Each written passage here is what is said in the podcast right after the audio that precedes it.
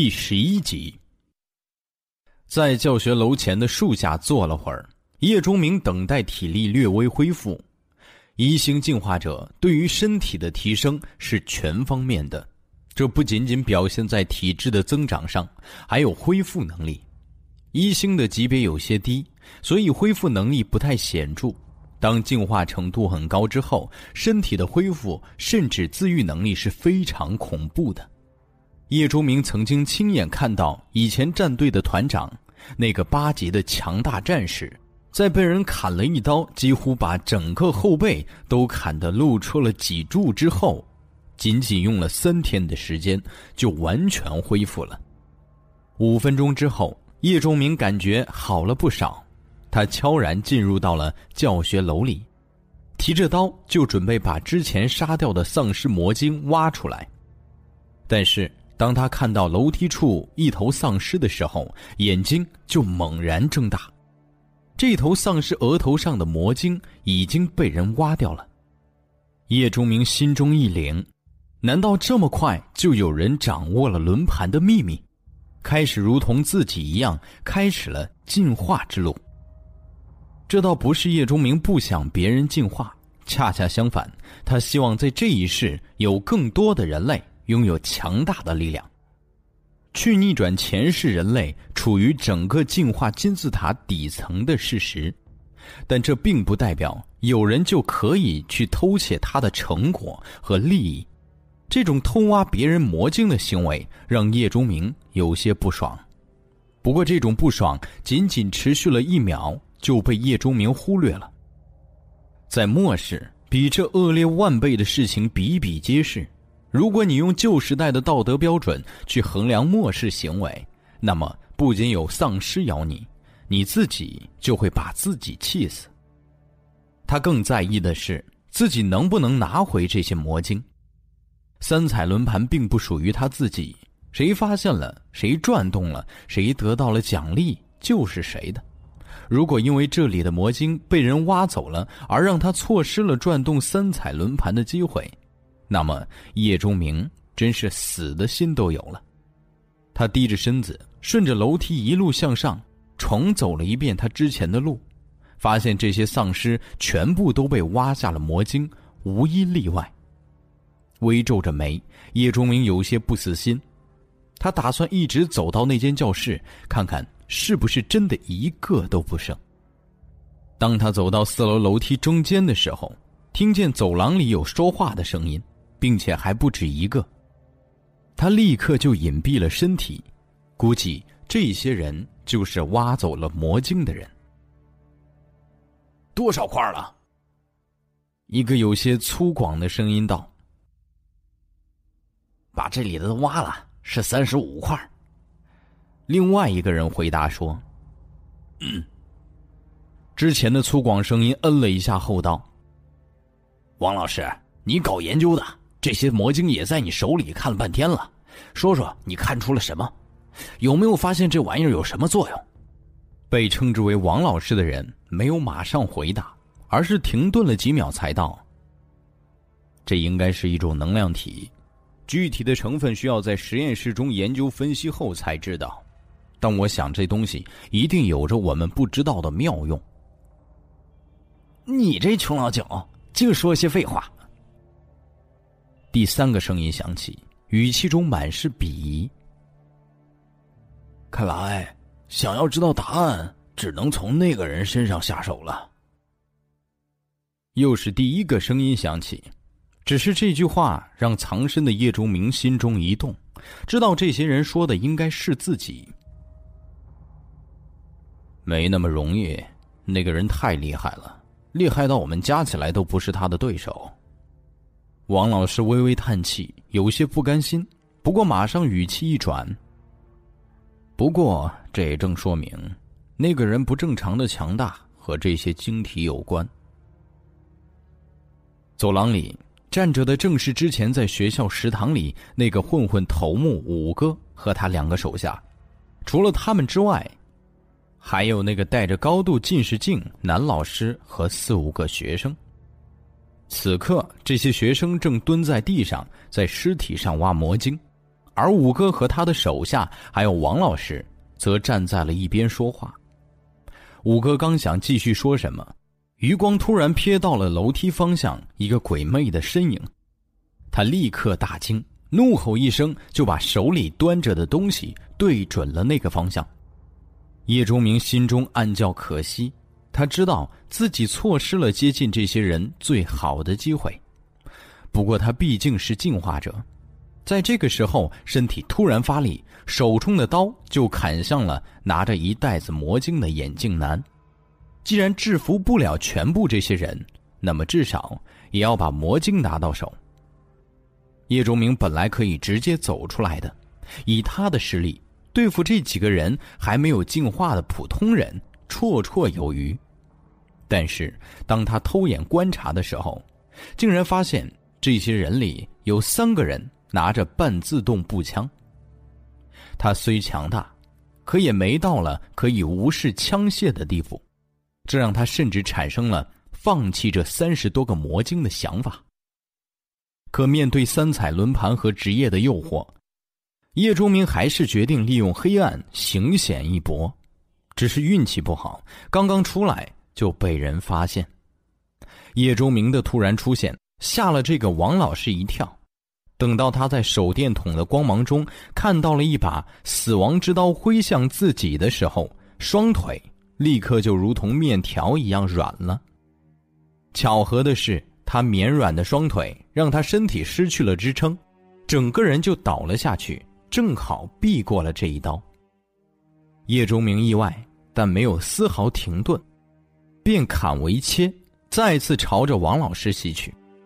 人在危急的时候是会爆发出极致的，这个王老师在极度的惊恐当中，敏锐的把握到了整件事情的关键，自己手中的魔晶。于是他大喊了一声，就把这一袋魔晶砸向了叶钟明。这个动作救了他一命。叶钟明收刀探手，抓住了装魔晶的袋子，身体一顿后就向后退去。这时，枪声终于响了。从发现叶钟明到他取回魔晶向后退，整个过程只有几秒钟的时间，非常短暂。但如果碰到训练有素的枪手，这个时间足够扣动好几次扳机了。可是，无论是五哥还是他的两个手下，都是第一次接触枪械，能够弄清楚如何装子弹、如何打开保险，已经很不错了。让他们在遇敌的第一时间就扣动扳机，显然要求高了些。这样的结果就是，直到叶忠明向后退，他们才反应过来，忙不迭的开了枪。子弹在走廊里划出一道道亮线。在狭小的空间里乱飞，但向着叶忠明去的却没有。第一次开枪的他们，不仅在扣扳机的时候会犹豫，对于准度的掌控更是一点儿都谈不上。于是他们眼睁睁的看着那个人在走廊里左右晃了晃，就消失在了楼梯处。五哥脸色铁青，他真是一点儿都想不到。自己这面这么多人，还有三条长枪，竟然被人冲过来把东西抢了，还安然无恙的退走。这简直就是赤裸裸的在打他脸！一群废物，还不给我追！看到那个人冒着生命危险回来抢魔晶，五哥确定了这东西的重要性，手里的枪也给了他足够的胆量。一声令下，带着人就追了出去。五哥心中有股执念，他觉得末世就是为他而来的，不仅让他尝到了平时绝不可能尝到的鲜嫩学生妹，还让他在武装部的楼里找到了枪械火器。接下来，只要弄清楚那些晶体的作用，那么他就可以变得如同那个人一样强大，甚至更强大。那个时候，自己就可以在这座城市为所欲为。不过，他终究是高估了自己和手下的实力。等到他们追出了教学楼的时候，已经完全失去了那个人的影子。迎接他们的却是被枪声吸引而来的丧尸。回到操场的广播室，叶钟明才算松了口气。他刚才对形势估计错误，没想到那些人就竟然有枪。如果不是魔晶的吸引力太大，他都打算放弃了。不过还好，总算抢回了魔晶。变异生物的出现和人类对末世的飞速适应，让叶钟明心中也产生了一丝急迫。他知道自己必须更加快速的强大起来了。捏了捏手中的魔晶，他开始把这些用命拼回来的东西投向三彩轮盘里。指针在火焰红和金属黄两种颜色间来回转动，让叶钟明的心也跟着时上时下。职业对于末世中的任何一个人都有着莫大的吸引力，叶钟明自然也不意外，因为轮盘上并不显示具体职业的信息。所以他有些紧张和期待，接下来自己获得的职业是什么？还会是射手吗？那是自己最熟悉的职业。如果得到，可以让自己最快速的提升晋升。会是强大的召唤类，还是华丽的魔法类，或者潇洒的剑士，能打能扛的圣骑，猎人，刺客，拳手，机械师，车王。曾经，他把积攒了很久的拼命钱，换得了一张射手的职业证书，背负巨债得到了升职卷轴，卖身在了战团许多年，给人卖命，给人拼杀，最后死在了任务途中。现在，却有前世要付出巨大代价才能得到的东西摆在面前，他又怎么能不激动呢？指针开始变得缓慢，叶钟明死死的盯着。终于，指针停留在了火焰红色区里。三彩轮盘下面的装备盒中发出了“啪”的声响，好像什么东西掉了下来，美妙的如同仙音。叶钟明伸手打开了装备盒，这时他才发现自己的手竟然有些颤抖。盒子里是一张火焰红颜色的精美证书，在黑夜里发出了温暖的淡淡光晕。映红了叶钟明激动的脸。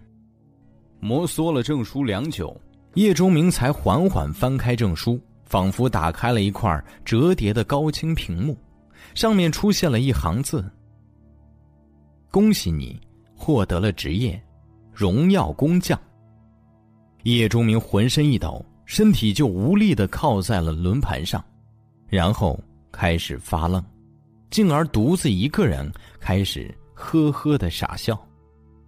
只是笑着笑着，就有些液体从他的眼角流出，温热划过他还未变得粗糙的脸颊，留下浅浅的痕迹。此刻和前世对比是如此的鲜明，这种巨大的差距让叶钟明不可抑制的想起了前世种种，很多已经模糊的画面在脑海里变得无比清晰。很多被他遗忘甚至以为消失的情感，也再次喷发。艰辛、困苦、磨难、恐惧、浑噩，还有酒精、迷乱、嗜血、贪婪、麻木，这些，这一世也要这样吗？举起手中的证书，叶钟明没有焦点的目光渐渐凝聚。转而越来越亮，这一世，他要换一种活法。或许是哪位神制造了这一切，或许是哪个老板在操控这一切，地球变成了实验场，或者在线游戏，自己哪怕重活了，也都是其中的一枚棋子。可叶钟明心中就是升腾起了一股不可遏制的怒火。是的。自己或许就是一枚棋子，上一世是微不足道，最后归于尘土；这一世也是，但自己绝不和上一世一样。就算要做棋子，他也要做一枚最强大的棋子，还要跳出棋盘看了一看，到底是谁在玩弄自己，玩弄地球。别让老子抓到你！叶钟明低吼了一声，捏碎了手中的职业证书，手中的东西一变，变成了一枚不知道什么材质的职业徽章，和一卷古色古香的誓约羊皮卷。这两样东西，叶钟明就并不陌生了。职业徽章是职业的象征，每一种职业都有不同的徽章。这东西不仅仅代表你的职业是什么，还代表你的职业等级、当前职业等级熟练度、职业晋升凭证等。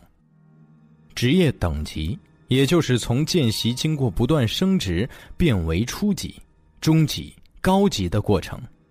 当然，高级职业之上还有大师。导师级和超凡级，那只是传说中的级别了。叶钟明别说见，就是听，也只是偶尔听八星进化者的团长偶然提起过。而职业熟练度，就是你拥有职业技能的一种状态，和使用次数、使用质量、领悟程度都有直接关系。至于晋升凭证，就简单许多了。当你的职业熟练度到达了当前等级的满值之后，就可以使用晋升卷轴去提升等级了。至于誓约羊皮卷，则更加重要些。这个古色古香的羊皮卷是一份合同，想要拥有职业，就必须立下誓言。立下什么誓言，就会拥有什么职业。每个职业的誓言都是不同的。除此之外，誓约羊皮卷还会详细记载该职业的特点、使用方法等相关的信息，作用等同于说明书。这两样东西构成了末日职业，交易的时候也是交易他们。工匠，叶钟明看到这个职业愣了愣，脸上闪过了一丝失望，因为这是一个辅助职业。并不能直接提升战斗能力和技巧。对于现在迫切想要提升实力的叶钟明来说，当然不会满意。不过工匠这个职业，叶钟明有听说过，应该是辅助职业里很不错的，可以制作一些出色的兵器装备。前世也有一些赫赫有名的工匠，他们制作的东西被很多人争抢购买。叶钟明使用的那把狙击枪就被工匠改造过，威力比原来强上一倍，加上射手的职业，这才让他可以对超越自己等级的目标造成巨大伤害。这么一想，叶钟明心中好受了一些。虽然得到的不是主职业，但工匠也是很不错的，等级高了之后，对战斗力的提升很明显。只是这“荣耀”二个字是什么意思？以前他得到射手和刀手这两个职业的时候，可没有这样的前缀啊。想要得到答案，只能立下誓约，成为这种职业者。叶钟明不再犹豫，直接打开了誓约羊皮卷，按照上面的誓言宣誓之后，又把自己的手指咬破在上面，滴下了几滴鲜血。这羊皮卷光芒一闪，一股充盈温和的力量在叶钟明的脑海里开启。有过相同经验的叶钟明知道，这是精神力开启的现象。如果说职业会让你拥有相关的能力，那么使用这种能力就需要消耗精神力。精神力没有了，职业能力也就用不了了。等到这种力量平静下来之后，叶钟明拿起职业徽章看了一眼，本来毫不起眼的徽章，此刻变成晶莹剔透，上面出现了一些变化。叶钟明看着这种变化，脸色变得非常古怪。这职业徽章怎么看起来那么怪异呢？只见圆形的徽章上面，如同轮盘一样，出现了五个不同的区域，被优美的花纹分开。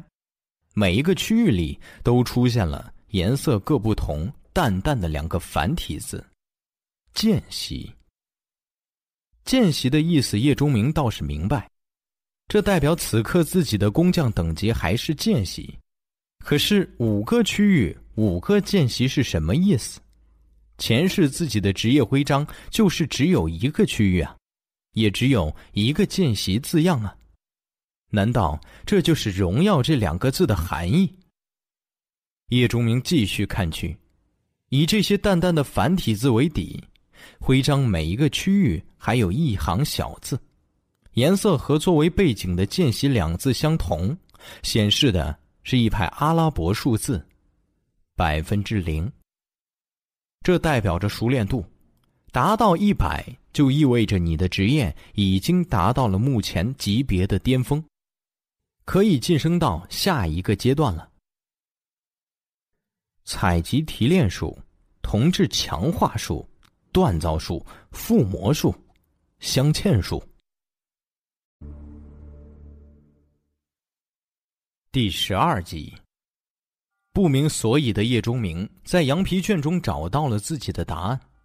职业徽章上的五个区域，竟然是代表这五种职业能力。叶钟明眉角抽动了一下。心说：“难道这就是荣耀工匠的最终含义？一个职业有五种职业能力。他在前世十年也从未听说过这样的事情。比如他之前的主职业射手，就是从见习射手到高级射手这么一个过程，哪里有这么多啰嗦？不过叶钟明虽然惊讶，却很高兴。”毕竟职业能力越多，说明你的职业会越强大。把羊皮卷上关于荣耀工匠的介绍全面读了一次，叶钟明有些又惊又喜。喜的自然是荣耀工匠，如果真的如同羊皮卷上所说，那么真的可谓是一个稀有的职业，甚至可能是唯一的。惊的是，升级太困难了。想一下。人家的职业熟练度满了，只需要得到一个晋升卷轴就可以提升等级了，而叶钟明这个荣耀匠师，则需要六个，其中五个是五种技能的，一个是总等级的。叶钟明哭笑不得，上一辈子他一共采用了五个晋升卷轴，前三个把射术从见习升级到了高级。后两个把刀手从见习升级到了中级，可这个荣耀工匠副职业竟然有五种技能，全部升级到满熟练度才能够晋升。这意味着不仅需要每升一级都要准备六个晋升卷轴，还需要耗费五倍的时间把熟练度全部练习满。这是地狱升级模式吗？叶钟明觉得自己牙都疼。现在，一个问题摆在了叶钟明面前：这样升级困难的职业还是个副职业，到底学不学？不学，那么就继续转动轮盘，看看另外一个职业是什么；学，就要面临困难的升级之路。学，不学。再次重新看了一遍誓约羊皮卷上的关于荣耀工匠的说明，叶钟明一咬牙，学，不就是很多很多的晋升卷轴吗？上辈子五个弄得哥倾家荡产，但这辈子老子是重生的，重生的还怕几个卷轴？想到这儿，叶钟明直接捏碎了羊皮卷，本来精美的卷轴。化作一团光晕，撞进了叶钟明的身体，身体猛然一僵，一股说不出的滋味在全身上下弥散开来，脑海中出现了许多许多奇怪的东西，从懵懂到熟悉，再到掌握，让叶钟明仿佛进入了一个全新的世界。这种感觉很神奇。神奇到让人有种不劳而获后蒙着被子般的深深窃喜感。一切逐渐平静之后，叶钟明握了握拳。副职业的获得并不能让人直接有力量强大的体验，但是这种思维上的触动却依然动人。叶钟明知道自己不一样了，也在这一刻笃定他会比上一世强大。并且强大的多。提起放在一边的砍刀，这把花高价买来的户外砍刀，此刻的刀锋上不仅有了许多细小的豁口，甚至刀身上都有之前臭虫体液腐蚀的痕迹。估计再用一段时间，这把质量不错的刀就要报废掉。其实经过了这么多场砍杀，这把刀还没断，已经出乎叶钟明的意料了。不过现在，叶钟明一笑，拿起了那把消防斧，第一次发动了他作为荣耀工匠的一个技能——铜质强化术。这种强化术的本质，就是把功能相近的两样东西合二为一，增加各方面的属性。叶钟明选择的是以砍刀为核心的铜质强化，手中两把武器白光一闪，持续了几秒钟后，手中就只剩下一把砍刀了。此刻的砍刀和之前已经有了一些区别，刀柄已经不是之前的冷压型刀柄。现在外面包裹了一层很奇怪的木质，握在手里感觉非常的舒适，看起来也更加的高档。刀柄和刀身的连接部分变得平滑了许多，两侧有略微的弧度，可以更好的保护握刀的手。变化最大的要数刀身了，本来的刀身并没有太大的弯曲度。只在刀面的顶部有看起来不错的曲线，让刀尖更加锋利。强化之后，整个刀身呈现了一种流线弧度，之前被腐蚀的部位和细小豁口都已经消失不见。刀刃锋利无比，内蕴寒光。最晃眼的是，刀身呈现出了一种近乎纯白的颜色。并且细看之下，仿佛有层光在上面流动，煞是神奇。白色光，难道自己制造出了白色级别的武器装备？叶钟明满脸兴奋，这铜质强化术竟然这么厉害！前世，很多的武器装备，甚至药剂、美食等这些副职业制造改良出来的东西。都会呈现出一种特殊的光晕，代表着这些东西的品级。没有经过强化改良的，则和原来地球上的东西一样，没有特殊表现。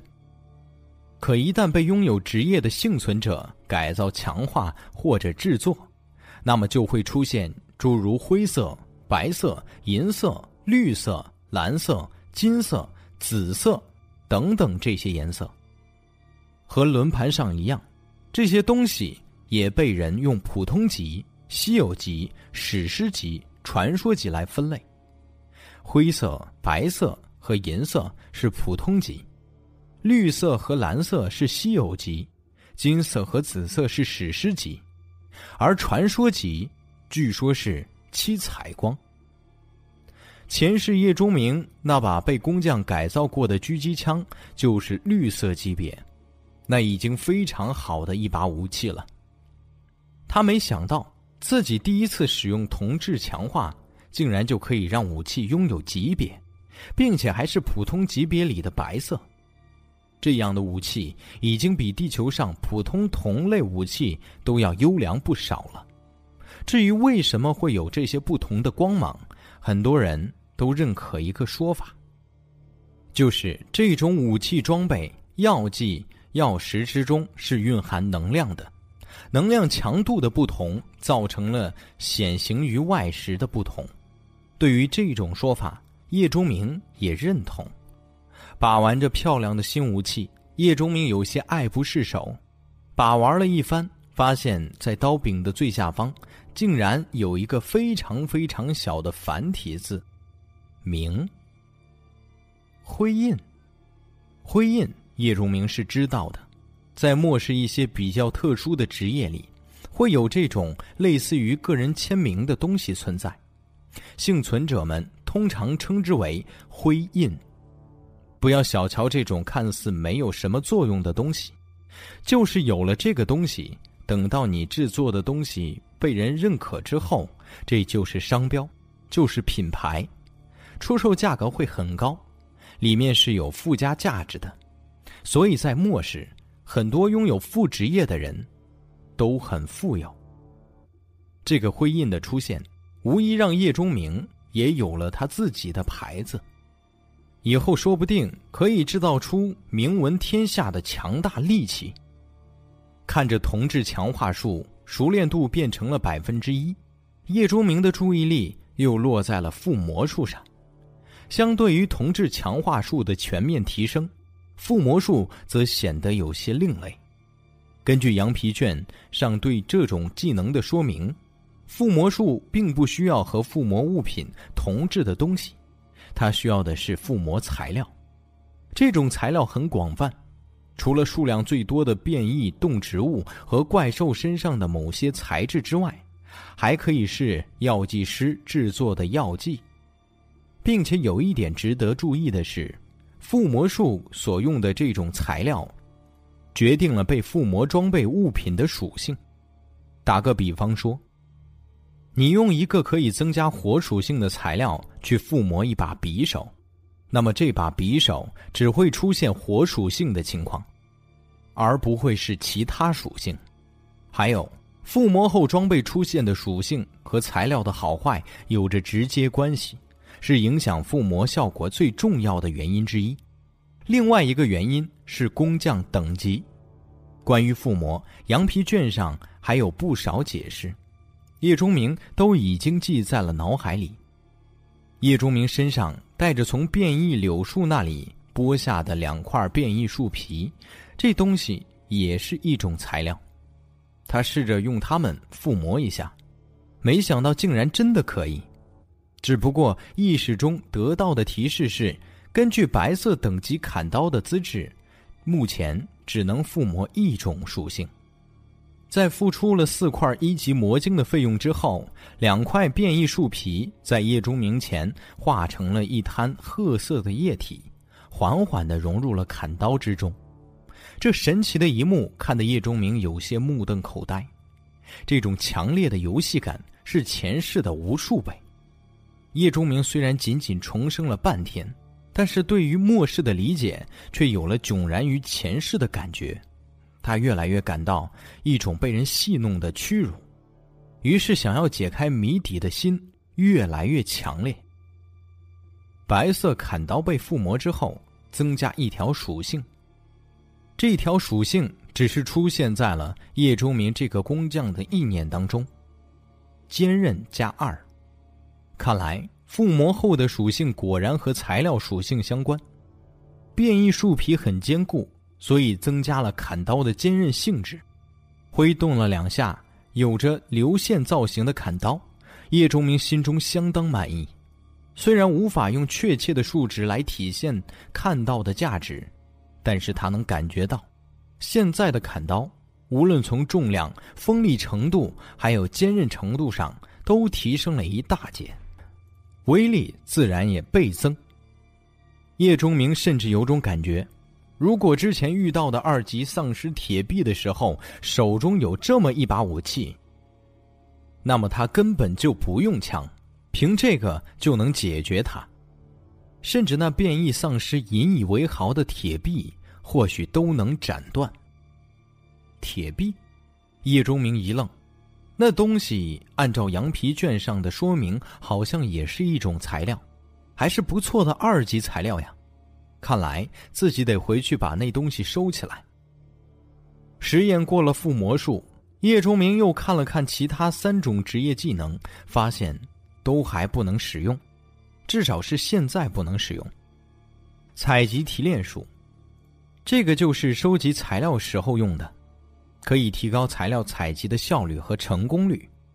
镶嵌术，则是可以在武器装备上镶嵌一种宝石。增加威力的技能，只是那种宝石，叶钟明在前世却没有过于注意，好像在轮盘还有绝地中都有产出，以前在交易市场上见过，当时不知道是什么作用。他还对这些宝石的价格嗤之以鼻过，现在看来是自己孤陋寡闻了。最后一种技能，锻造术，这是工匠的核心技能了。施展这种技术，就可以把各种原材料融合一起，制造出各式各样的物品。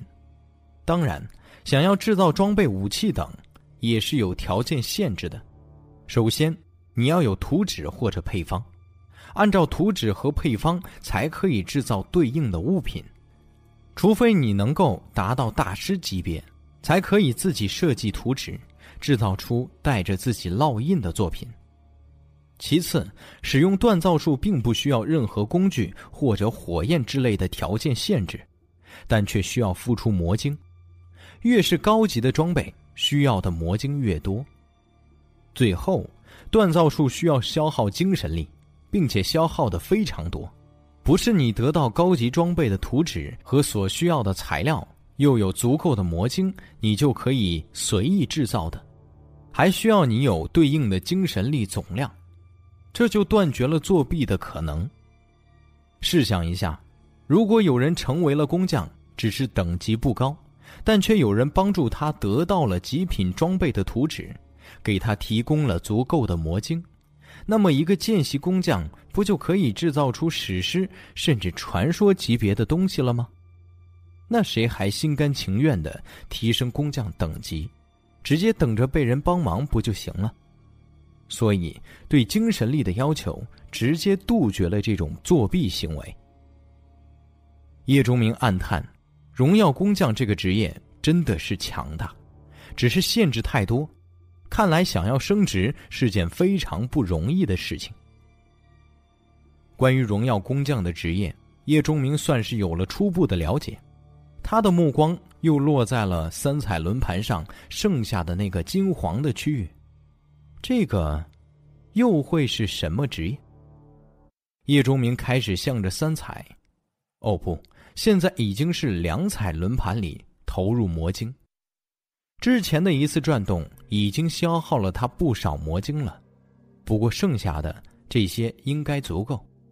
可显然叶钟明想的有些过于美好了。他把全部的一级魔晶都投入下去之后，依然没有满足轮盘转动的要求。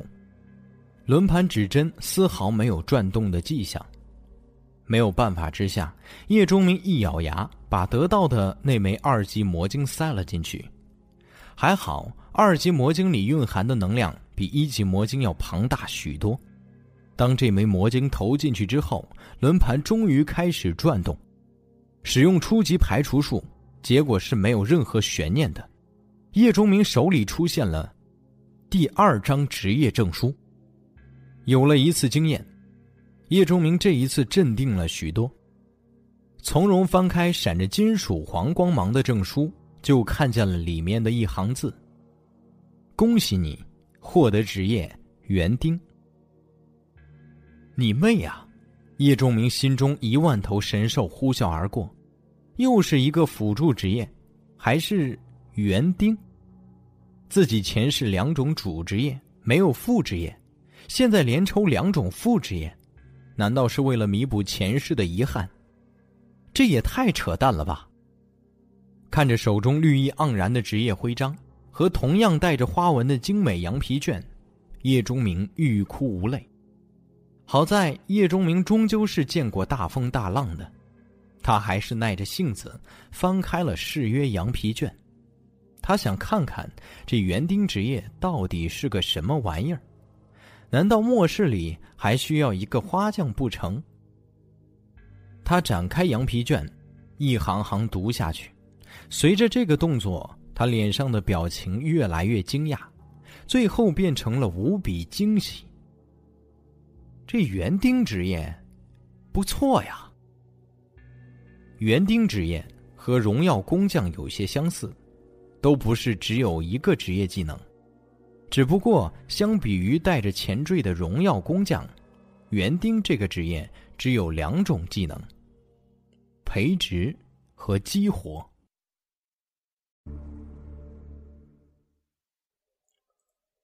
第十三集，培植，顾名思义，就是把一种植物从种子状态开始培育，照顾它发芽生长。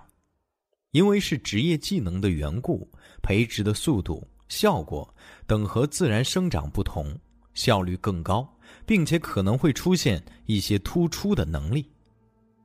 激活则是一种控制植物的方式，效果千奇百怪，但有一点肯定，那就是可以帮助园丁完成各种各样的事情。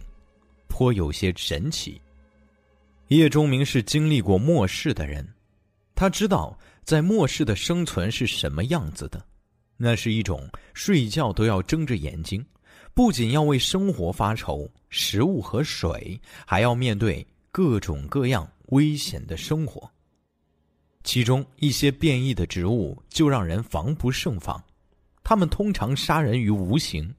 并且强大起来之后，丝毫不比那些绝地里走出的怪兽和变异人弱，甚至还更为强大。叶钟明前世就见过一棵不知道进化到什么程度的梧桐树，整棵树足够三百米高，树身粗的和一栋摩天大厦一般，整个树冠盖住了一座城市。无论是人类的九星强者。还是睥睨天下的绝地怪兽，甚至变异人之王，都远远地躲开这棵成了精的大树。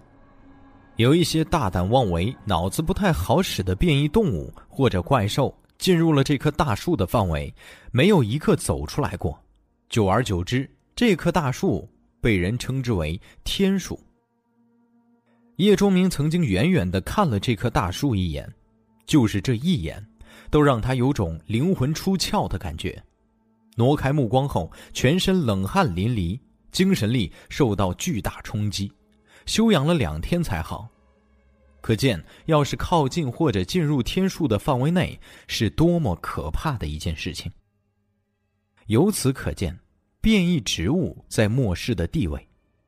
如果园丁的等级高了，可以培育或者控制变异植物。那多对自身实力的提升作用是显而易见的。退一步讲，就算不谈变异植物，哪怕只是可以种植普通的植物，比如一些粮食作物、蔬菜、水果等等，这些也是很好的。在末世初期，除了在低级的轮盘上可以获得少量可以食用的东西之外，食物问题在初期是非常突出的。庄稼绝收。末日前，食物基本变质，人类整体也无法和其他种族对抗，饿死的人比比皆是。直到后来，人类实力提高，可以猎杀变异生物和怪兽之后，才用他们的肉代替了很大一部分食物消耗。即便是这样，新鲜的蔬果也绝对是奢侈品，良好的口感和众多微量元素的补充，都注定了蔬菜水果。有着和平时期黄金钻石般的地位，园丁，哪怕只能种植出这些，也可以换来巨大的财富。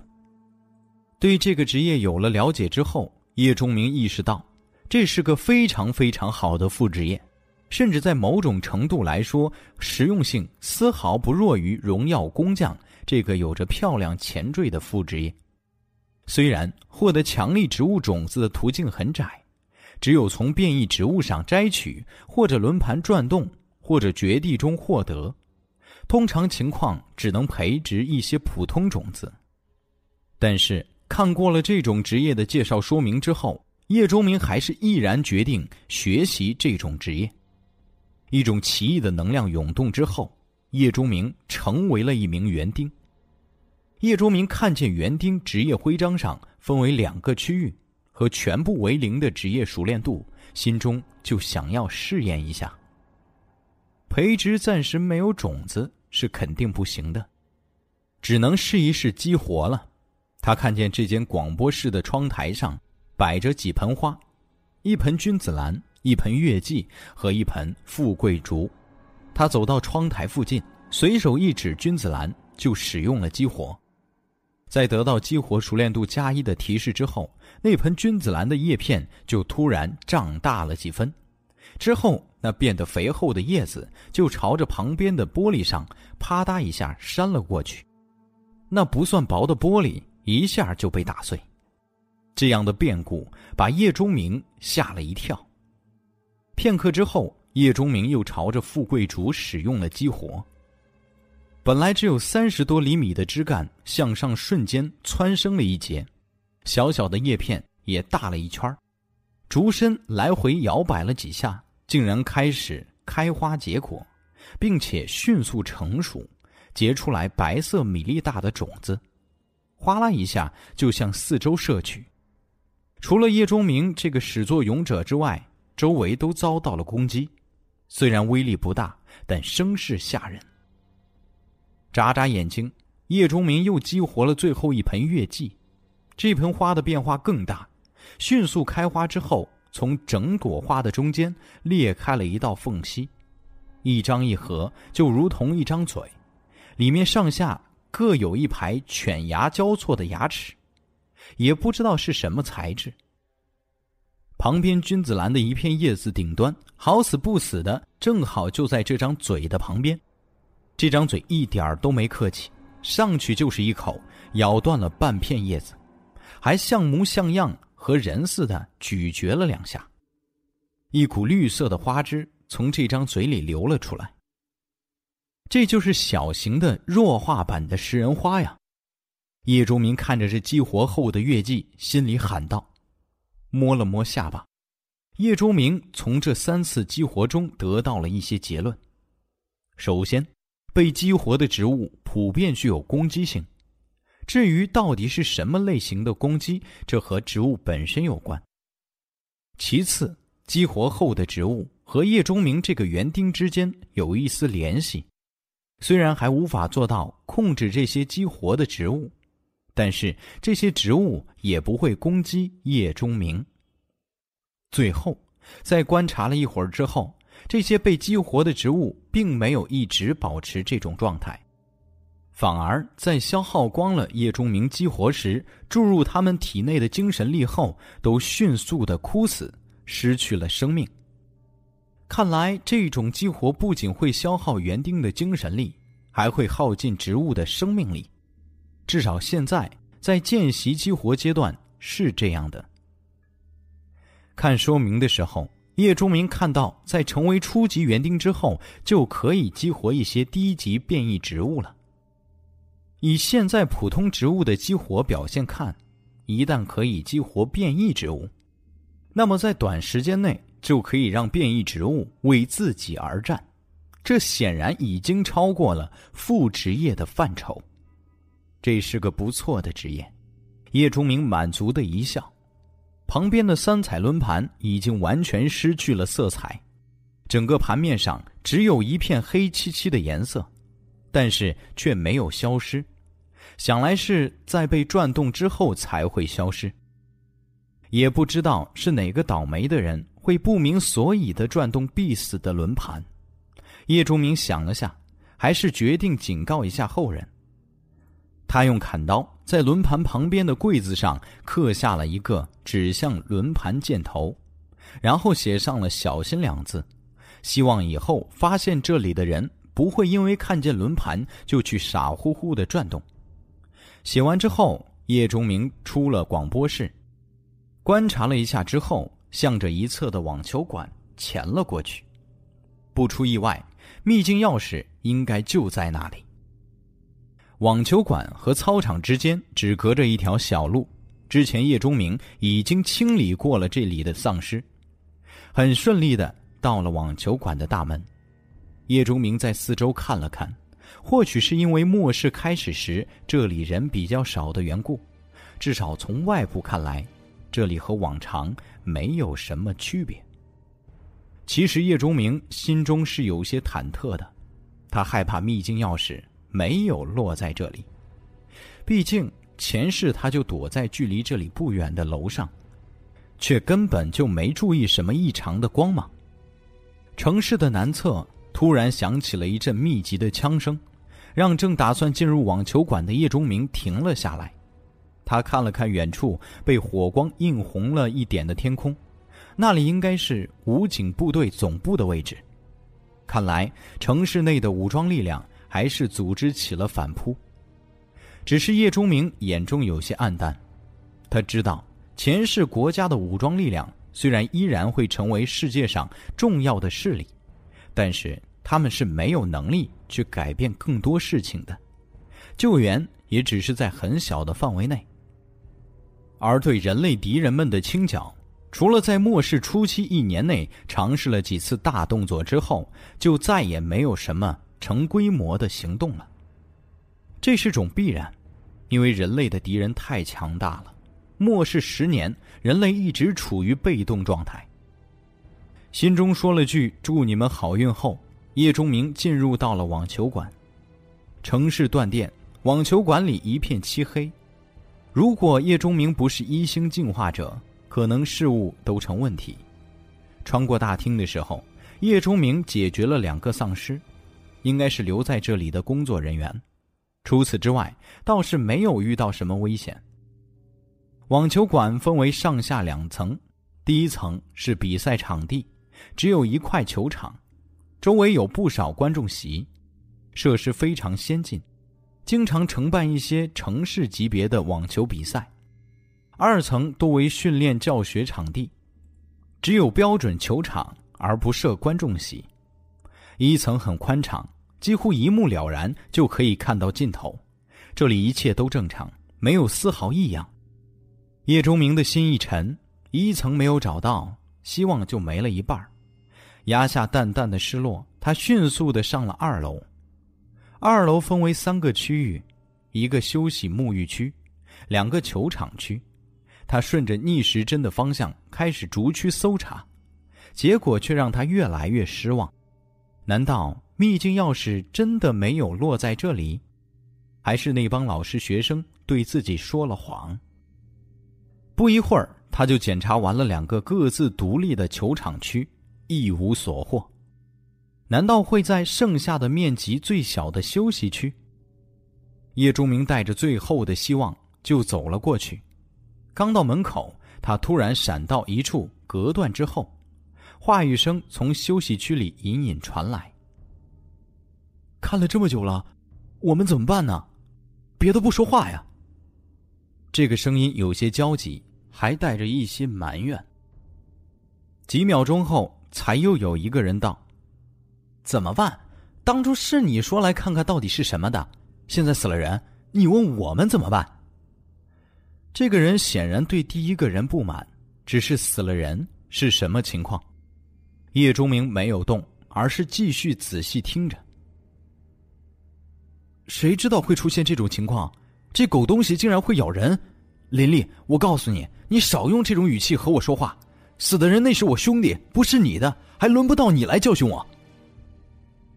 好了，你们都少说两句吧，赶紧想想办法，是齐心协力进去把这条疯狗杀掉，还是赶紧离开？我们还是听这位警官的吧。林立嘟囔道。叶钟明悄悄的靠近，在一间休息室的外面，发现站着四个人，三男一女。之前说话的三个男人，此刻都把目光集中在了唯一一个女人的身上，听他们谈话的内容。这个女人竟然还是个警察。几个人的手机都亮着，手机电筒的光芒照得整间屋子如同白昼，这让叶钟明很轻易的看到了让他心跳加速的一幕。在这几个人前面的一间浴室里，正有一股并不明显的能量波动传出，甚至从浴室门的缝隙里，有奇怪的光芒透出。即便是在手机电筒的光芒中，也可以让人轻易的捕捉到这股能量波动。叶钟明并不熟悉，也恰恰因为这样，他才猜测这很可能就是秘境钥匙的波动。毕竟前世他见识过许多，唯独没见识过秘境。只是这些人嘴里所说的“疯狗”是什么意思？还死了人？今晚的一切都太诡异了，包括里面的这个东西。我的意见是，杀进去。这位女警官说完，从后腰就掏出了一把枪，竟然还是能够带枪的 Madam。杀杀进去，警官，你没搞错吧？里面那只疯狗怎么办？那个叫林立的人叫嚷着，身体还后退了两步，明显不想进去。放心，不用你们打头阵。我进去干掉那只疯狗，之前是因为没有准备才被袭击，这一次有了准备，应该没问题的。女警官皱着眉头道，不过语气并不是十分肯定，显然她自己也没什么把握。今晚一切都太诡异了，外面充满了吃人的怪物，躲到这里之后，还出现了一条疯狂的狗。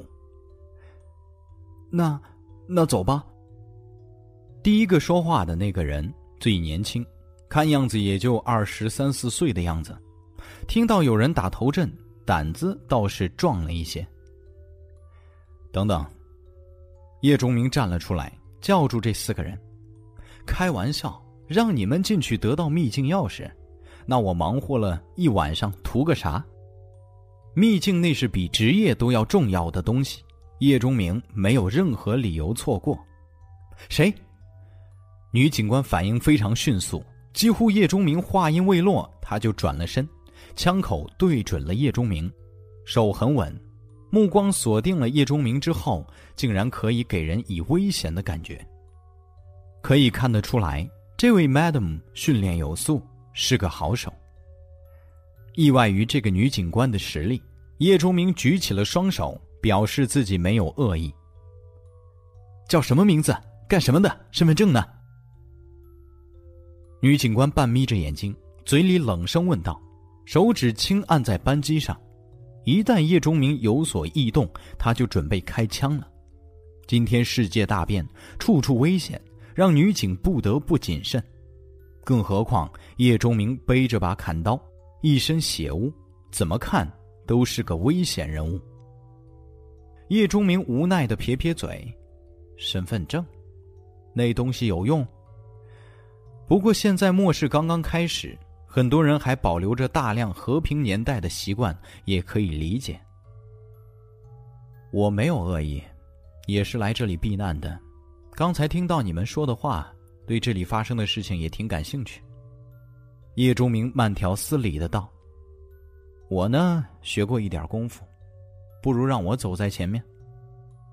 这位警官在后，出现意外，也有应对的时间。你们看如何？网球馆后面的街道上，不时传来一些响动，大多是人类的怒吼惨叫，还有临死前不甘的哀鸣。偶尔还会炸起片刻激烈的战斗声音，无时无刻不在告诉网球馆里。诡异气氛之下的五个人，现在是末世。除了女警官之外，三个男人互相看了看，眼中惊疑不定。叶钟明面相年轻，相貌清秀，眼神清澈，任谁看到都会留下不错的第一印象。可他身上的血污实在是太扎眼了，那把砍刀也怪异了些。好像有淡淡的光晕呢。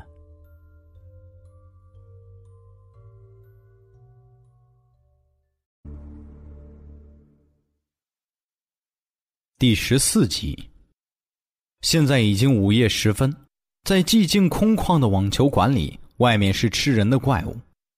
这样一个陌生人突然出现，任谁都会是这样的反应。特别是虽然世道仅仅乱了半天的时间，但是这些逃亡的人已经看到了很多人性的丑恶，他们不敢保证这个突然出现的人会不会对他们造成威胁。或许这种防备还没有形成定律，但是同类也危险这样的概念已经在所有人的潜意识里出现。你看，你们有枪在手。这足以保证你们的安全。如果你们答应的话，我又是走在最前面，危险是我来承担。你们还有什么顾虑？叶钟明摊摊手，说出了打动这些人的一句话：四个人刚刚失去了一个同伴，连带着枪的女警官都对接下来的行动没有什么把握。现在有人要主动面对危险。这是一个非常诱人的提议，当然，一切都源于这些人对浴室内神秘东西的好奇和向往。在经历了之前短短几分钟造成地球大变的攻击之后，幸存者们有理由相信神奇的事情会一直发生。事实上，浴室里也确实是一件神奇的东西。三个男人在后面。明显都心动了。只有那个女警还在犹豫，由于职业的缘故，她对叶钟明有种本能的戒备。你们不是已经死了一个人了吗？因为里面有只疯狗，对吧？如果真是这样，我想刀会比你手里的枪好用很多。叶钟明嘴里这么说着，眼睛看着女警手里的枪，危险感觉一直没有降低。这个女警在手里有枪的时候，真的给了他极大的压力。叶钟明没想到竟能碰到这种情况。好吧，慢慢走过来，背对我们，再抽出你的刀。女警官踌躇了一下之后，终于同意，也提出了要求。叶钟明点头答应，缓步走到了浴室门前，背对着四个人，把砍刀抽了出来。你，你这是什么刀？那个带着浓重鼻音的男人终于没有忍住。问起了这把看起来好像有光闪动的怪异武器。杀人的刀。叶钟明回答了一句，后面四个人顿时紧张了一阵。刚才叶钟明和几个人擦肩而过的时候，他的心中涌起过一丝杀机，他可以把这几个人都干掉，然后独占里面的东西。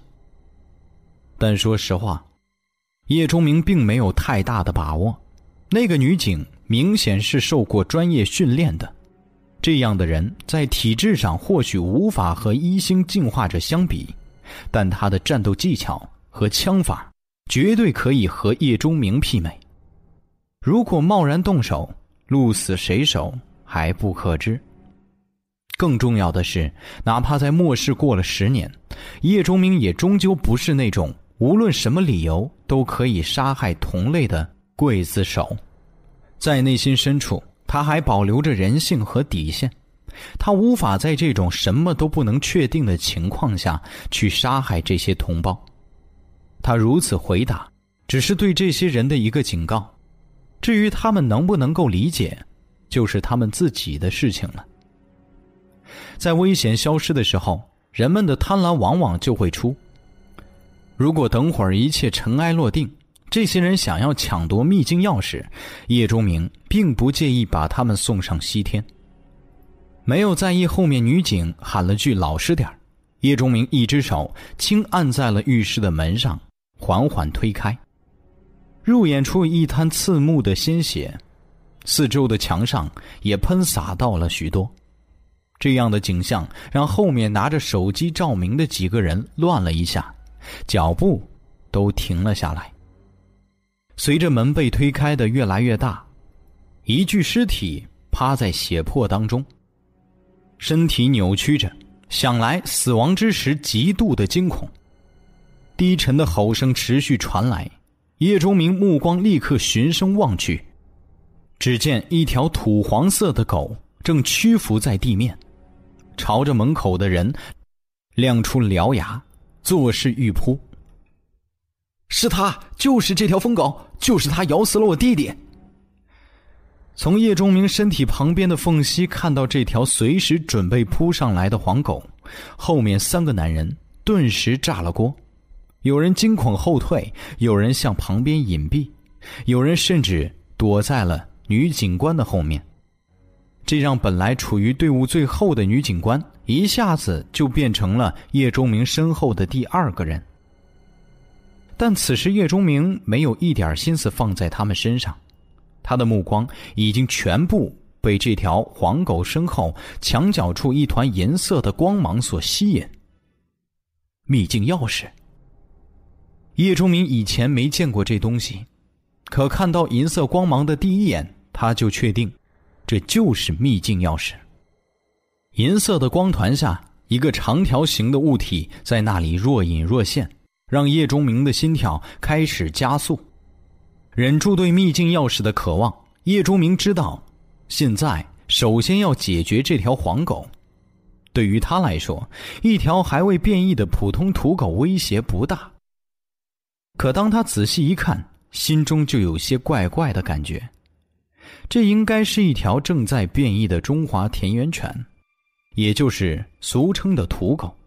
它的身体已经比普通的土狗大了一圈，四肢开始变得粗壮有力，牙齿变得尖锐锋利，眼中有了些猩红的血丝，这些都是变异前的征兆。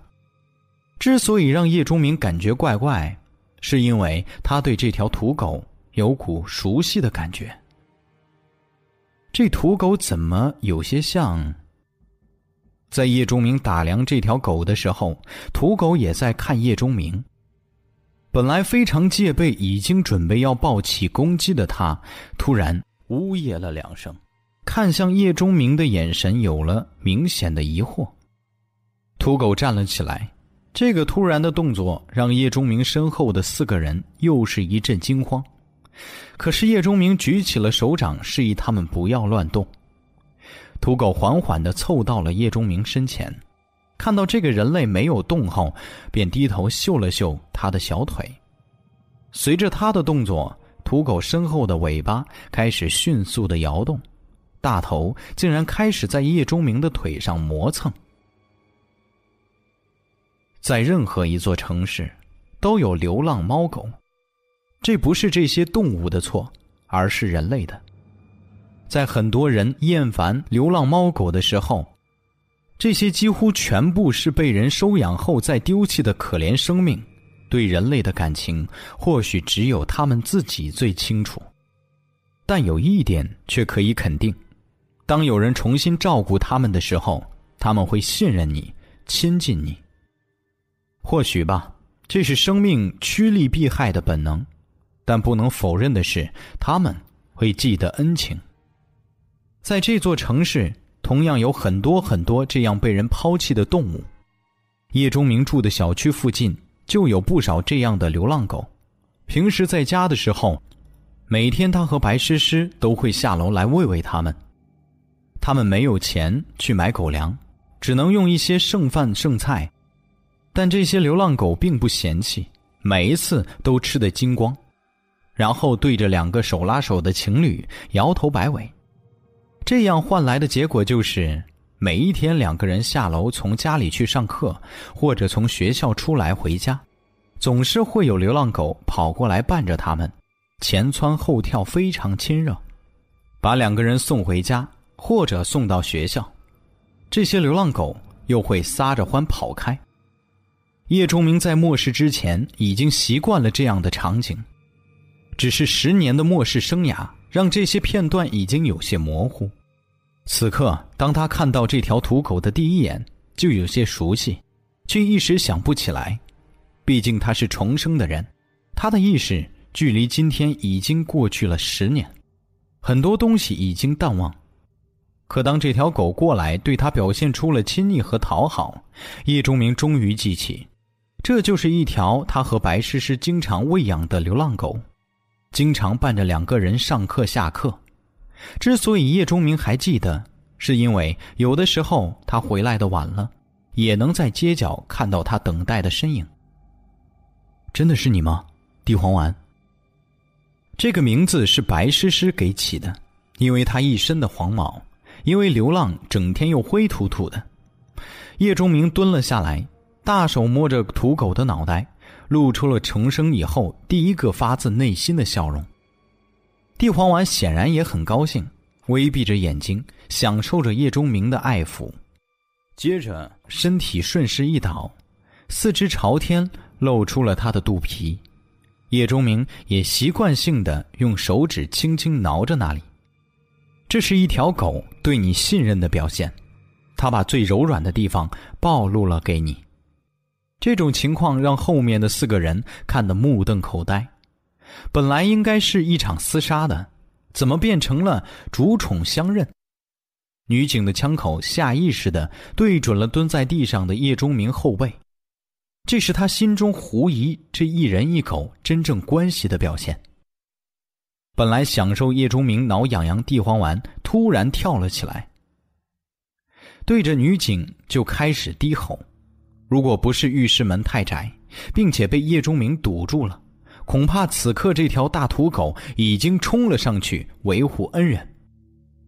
形势的转变让叶钟明也很意外，他回头看了一眼女警官，缓声道：“这条狗我认识，以前喂过它，没有危险，你可以把枪放下了。”说完，看了看女警，然后就朝着角落里的荧光走了过去。这才是他今天的目的。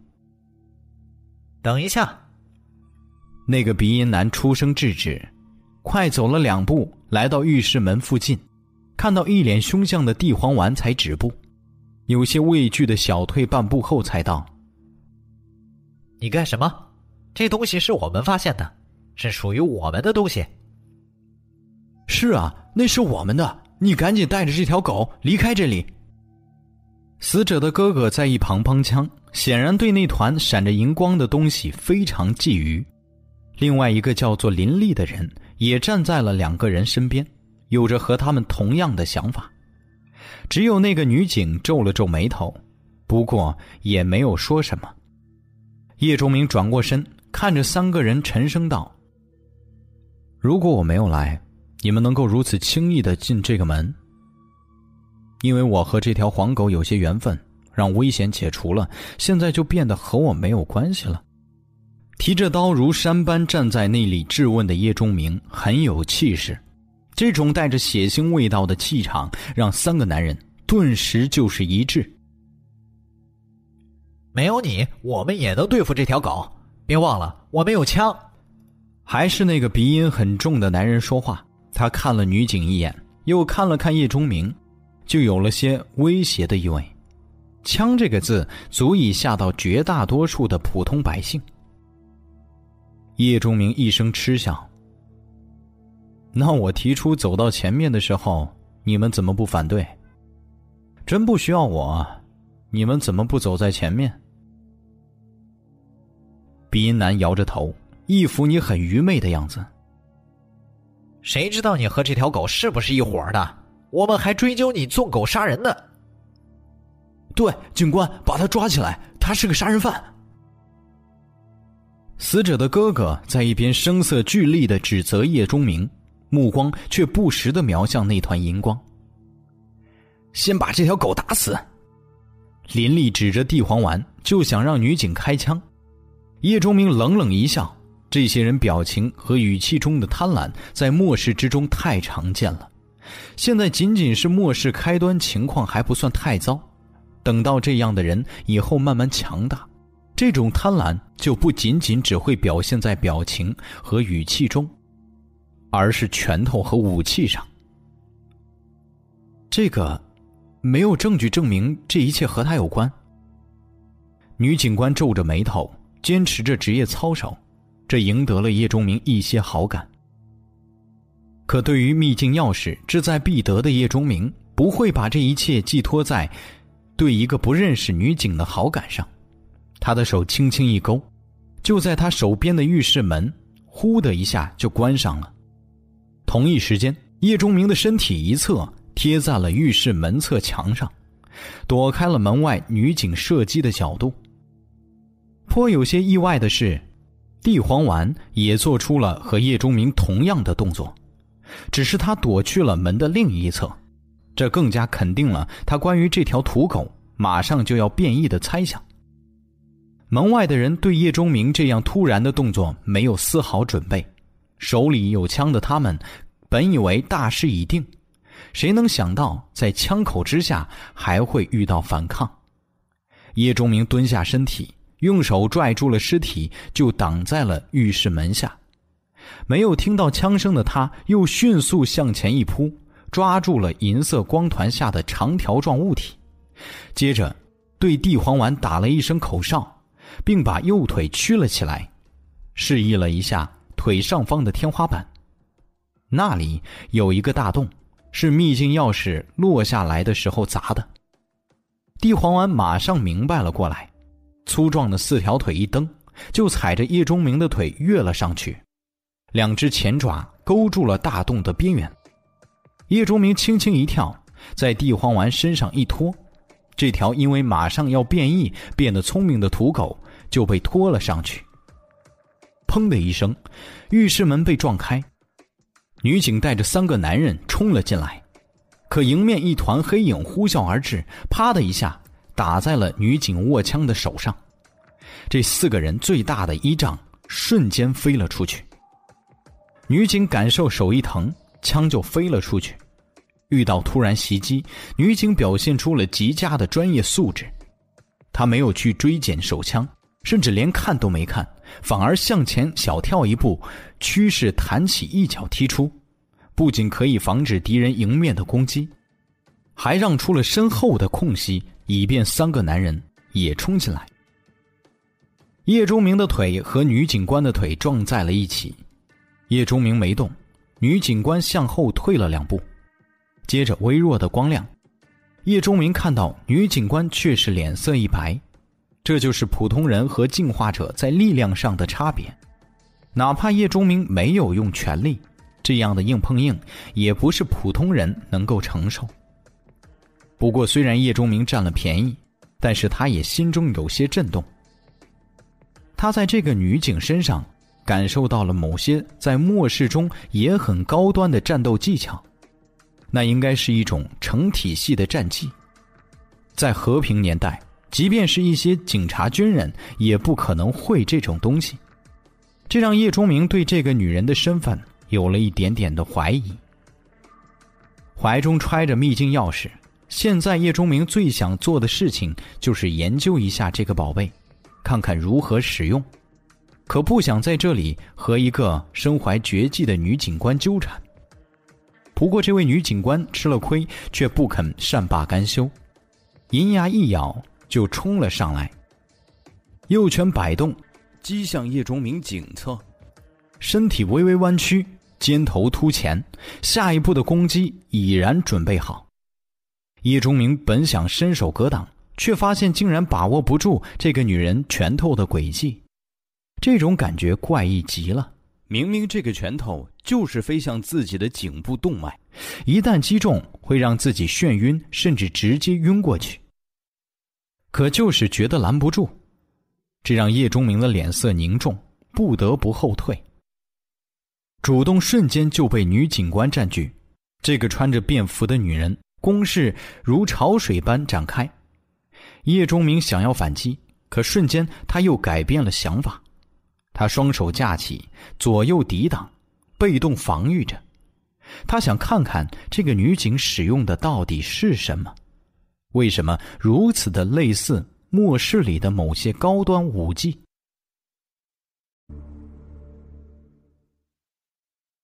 第十五集，武技不是技巧，技巧可以通过战斗去领悟。通过经验去积累，但却创造不出武技。在国家的历史上，能够自创武技的人，全部都是宗师级别的人物，是国术方面的天才。叶钟明不是，哪怕是前世，他也没有学到过这种对进化者有极大帮助的东西，所以今天猛然在一个普通人身上看到，他就有些见猎欣喜。其实。如果这个时候后面的三个人一起出手，哪怕他们只是普通人，只要在旁边牵扯一下叶钟明，可能都会让叶钟明陷入真正的被动。可惜的是，那三个人站在门口，只是举着手机照明，压根儿就没进入到浴室。看了片刻，叶钟明知道，这应该是一种很复杂、很系统的东西，涉及到了肌肉的发力方式。攻击的角度，甚至整个身体各个部位的配合，想要马上学会和领悟是不可能的。叶钟明不再客气，露出一个破绽给他，结结实实的让女警官一拳打在了自己的左肋。人体羸弱部位被攻击产生的疼痛和呼吸不畅，让叶钟明的脸色红了一下。不过，身为进化者。这并不能让他如何，甚至轻伤都不会出现。反击开始了，叶忠明的身体借助这一拳弯了下去，双手猛然一环，硬生生再次承受了一拳之后，瞬间抱住了女警官的腰。他大吼一声，用尽力气，直接把女警官放倒在地，身体跟着压了上去。利用男性和进化者的优势，死死的顶住了这个强悍的对手。这个过程中，叶钟明又被女警攻击了两次，一次在双腿之间，另外一次是被头锤。只是吃亏的依然是女警，进化者的身体终究是强悍的。压住女警的身体。凸凹有致的女体加上强烈的扭动，让叶钟明的男性荷尔蒙剧烈分泌。但他顾不得这些，一只手掐住了女警的脖子，另外一只手按住了他的手。女警身体上的劣势完全显露了出来。面对身强体壮、已经是一星进化者的叶钟明，他的武技没了用处，仅剩可以活动的一只手在男人的上身和脖脸之间抓推，却没有什么效果。进化者的力气非常大，如果说普通人想要掐死普通人要两分钟，那么进化者想要掐死人，可能连十秒都用不上。因为很可能在你没断气之前，喉咙已经被捏碎。形势在瞬间转变，刚才还在被动挨打的人，此刻已经成为了生死的主宰者。门口的三个人看到这种情况，半天没有反应过来。等到女警官的挣扎已经开始变弱的时候，那个鼻音男才一咬牙，打算过来帮忙。可他刚走了一步，就被叶钟明突然抬起头露出的一双眼睛吓住了，里面是让他心惊胆战的疯狂杀意。鼻音男腿都软了，感觉身体已经僵住，别说去帮忙了，连动都动弹不得。叶钟明低下头，眼中闪过了莫名的骇然，他掐住女警脖子的手不再用力。而是猛然松开，这让女警的呼吸顿时顺畅了不少。这件事情就这么算了，还有，最好快跑。叶钟明突兀的在女警的耳边说了一句话后，一翻身就从高低起伏的女人身体上下去了，抓住女警落在一边的手枪，三两下窜出了屋顶大洞。女警挣扎着坐起，因为喉咙不舒服，不断的咳嗽，脑海里全是那个男人走之前的话：“快跑！为什么快跑？”他思量了一下，突然猛然向浴室外望去，望向了三个孬种男人身后的黑暗。你，你怎么了，警官？三个男人脸色讪讪的。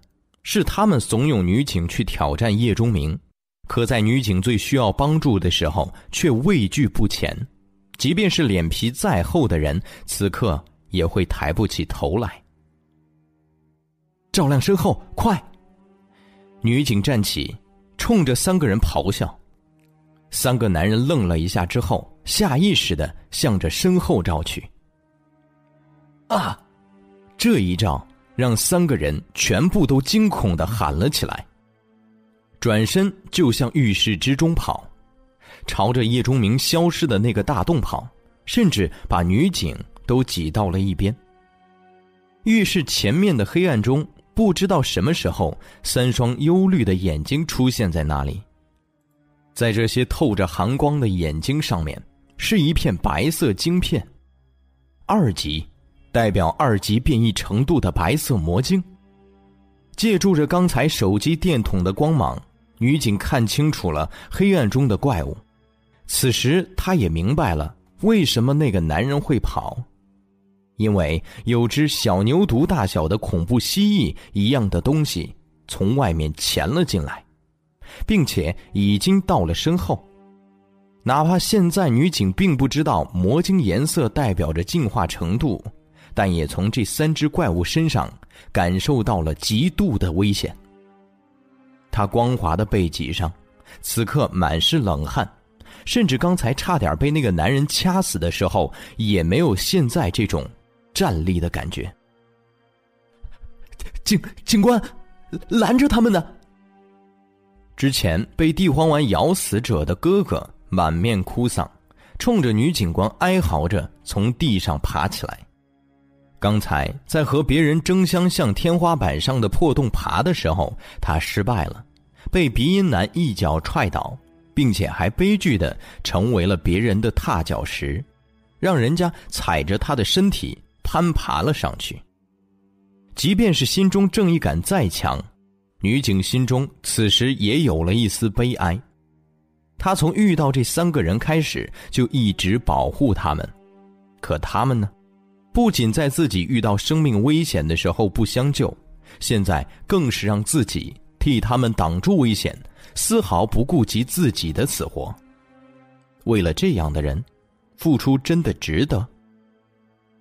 可管惯有的思维和职业操守。让他还是挡在了浴室门前，他的枪已经被叶忠明拿走了，以至于现在只能赤手空拳的面对三只未知的生物。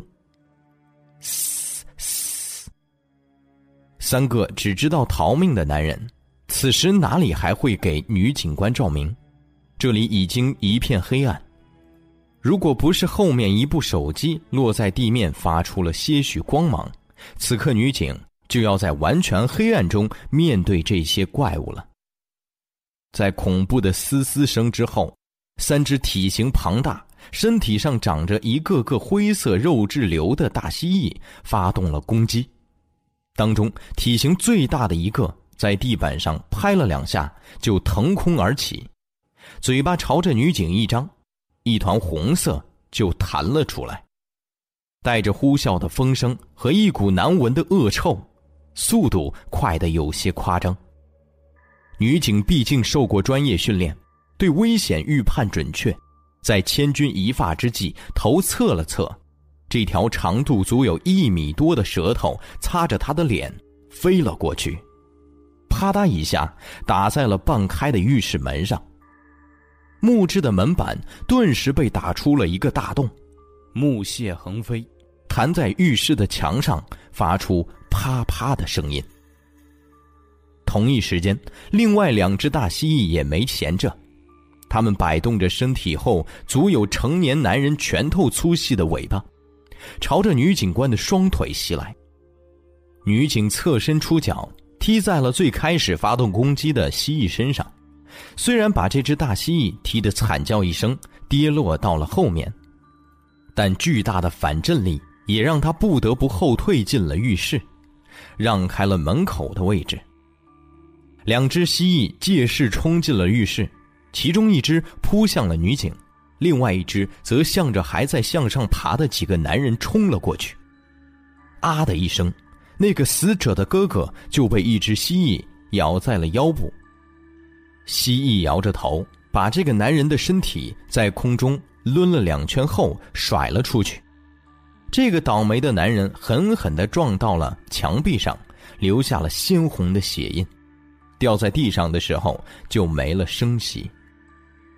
大蜥蜴并没有因此放过他，一条猩红的舌头从嘴里弹出，直接插进了男人腹部，在里面一卷，一块肾脏就被勾了出去，随着舌头带回到了蜥蜴的嘴里。大概是鲜嫩的内脏刺激到了它，尝到了美味的这只大蜥蜴头部扬起，发出了享受般的嘶吼，然后直接跳到了男人的尸体上，舌头不断的弹出，不断的刺进男人的身体，带出一块块血肉。另一只蜥蜴看到同伴在进食后，眼睛都红了，他放弃了攻击几次都没有成功的女警，转而腾空一跃。大尾巴在空中摆动，仿佛在水里游一样，身体就猛然蹿高到了一个惊人的程度，一口咬住了已经爬到大洞边缘的林立右腿。在惨叫声中，这个男人被拉了下来，摔在了地上。因为是球馆的浴室，所以屋顶并没有多高，也就两米左右，普通人一跳就可碰到屋顶。所以林立摔下的时候没怎么样，可是没等他挣扎站起来，这只蜥蜴锋利的两只前爪就拨开了他的胸膛，大嘴直接插进了他的身体。什么叫做生吞活剥？这就是生吞活剥。林立的惨叫在凄惨到了顶点时戛然而止，他睁着眼睛，挺着脖颈。看着这只怪物在他的身体里吃掉他的胃部和肠子、肝脏和肾脏，没有人知道他此刻正在想着什么，只看到他的目光渐渐暗淡，之后露出一丝如释重负的表情后，离开了这个他不明白的世界。鼻音男在大洞上面露出了一个脑袋。看到两个同伴已经死去，又看了看且战且退、已经到了大洞之下的女警官，脸上狰狞一闪。一块板子被盖在了洞口上。女警官本来在看见鼻音男的时候，脸上出现了喜色，现在的情况是，三只大蜥蜴中有两只正在忙着进食，没空管他，他的对手只有一个。以他的身手，暂时还可以坚持一会儿，只要抓准机会，鼻音男拉他一把，他就可以瞬间翻上大洞，从这个封闭的浴室中逃离。可现实却把他的期望击得粉碎，迎接他的不是同伴的援手，而是一块冰冷的木板。他想起了一句笑话：遇到危险的时候，你不需要跑得比危险快，只需要。跑得比同伴快就行了。鼻音男的意图很明显，让女警在这里牵扯这些恐怖的怪蜥蜴，给他留出逃跑的时间。如果放在平时，这一块不重的木板并不能起到什么作用，用手一推就可以推开。可是现在，在面对三只浑身肉瘤、有着锋利爪子和带着肉刺长舌的怪物时，这一块木板。直接宣告了女警的死刑。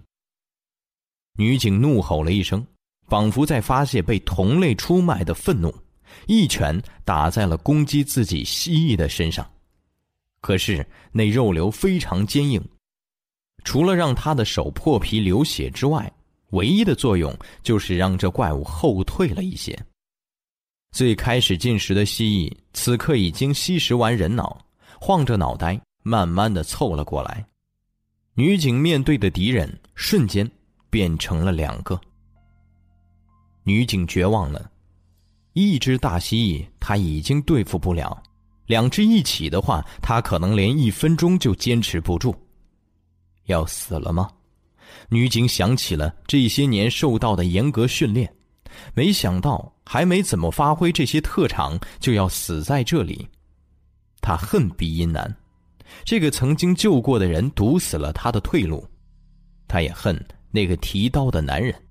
如果不抢走他的枪，或许现在还有一拼之力，至少他还可以有尊严的死去。女警看着第三条蜥蜴也围了过来，心知今天是不能幸免了，她使劲儿的大喊，然后就打算冲过去和这帮怪物拼了。喂！可就在这个时候，头顶突然传来了一个声音。他抬头一看，那块让他绝望的木板已经被人挪开，取而代之的是那个刚才差点杀死他的男人那张秀气的脸。从没这么一刻，他觉得男人可以这么帅。笨警官，上来！叶钟明向着女警伸出了手，身后传来咚咚咚的撞击声。让逃出升天的莫叶心有余悸。莫叶就是那个女警官，此刻正和叶钟明一起从天花板上的通风管道向外爬。他逃离的那个大洞已经被一些木板和杂物盖住了。神色复杂的看了前面带路的男人一眼，莫叶感到了一丝彷徨。世界变了，虽然他不愿意承认。但这就是事实，人心变了，他也不愿意承认，但刚刚体验到了背叛。莫叶从小出生在军人家庭，长大后除了学习就是训练，警校毕业，刚刚工作就遇到末世，他不知道要怎么办，他想救人，也努力过了，可结果不好，如果不是趴在他前面的男人相救。现在可能已经死了。警局回不去了，那里已经被吃人的怪物占领。家，父母身在保密部门，他这个女儿都不知道他们现在身在何方。家里只有他一个人，回去干嘛？那么该怎么办？莫叶脑子里一片浆糊，不知道该何去何从，茫然、恐慌、压抑、惊惧、麻木，这是很多人在末世开始的时候都会遇到的精神负状态。很多人承受不住，自杀了，变成了那些吃人的怪物，或者这些怪物的食物。这些情绪并不能维持太久，因为很快人类就要面临生存的问题，食物和水马上就会成为头等问题。但这并不是全部，接下来还有尸潮、兽潮、怪兽、变异人，甚至同类这些无处不在的危险等等，一切最后都会变成为了生存。莫叶已经有了这些情绪。只是他不曾经历过罢了。从通风管道到了一楼一个狭小的卫生间里，莫叶看见了那只个头很大的黄狗，正站在那里对着男人摇头摆尾，拍了拍身上的尘土。莫叶有些不习惯黑暗的环境，即便他是特警出身，也摆脱不了女人对黑暗天生的恐惧。这种不安全的感觉让他下意识的。抱了抱双肩。为什么救我？隐约中看到那个男人找了个角落坐了下去，那条土狗乖乖的趴在了他的身边，大头还枕在了男人的腿上。莫叶不太明白，也想不太懂，为什么这只明显有些异状，并且极其凶恶，还咬死了人的一只狗。会和这个男人如此亲热。叶钟明摸着地黄丸的大头，感受这只狗身上的体温，低声道：“合作。”莫叶一愣，这个答案出乎他的意料。叶钟明知道这个女警会意外，只是他说的是实话。之前，叶钟明从二楼浴室上面脱困。迅速找到了一个角落，就想激活秘境钥匙。可是让他意外的是，得到的提示竟然是做好面对打开秘境时出现危险的准备。叶钟明没有鲁莽到直接选择打开秘境，而是选择了暂时放弃。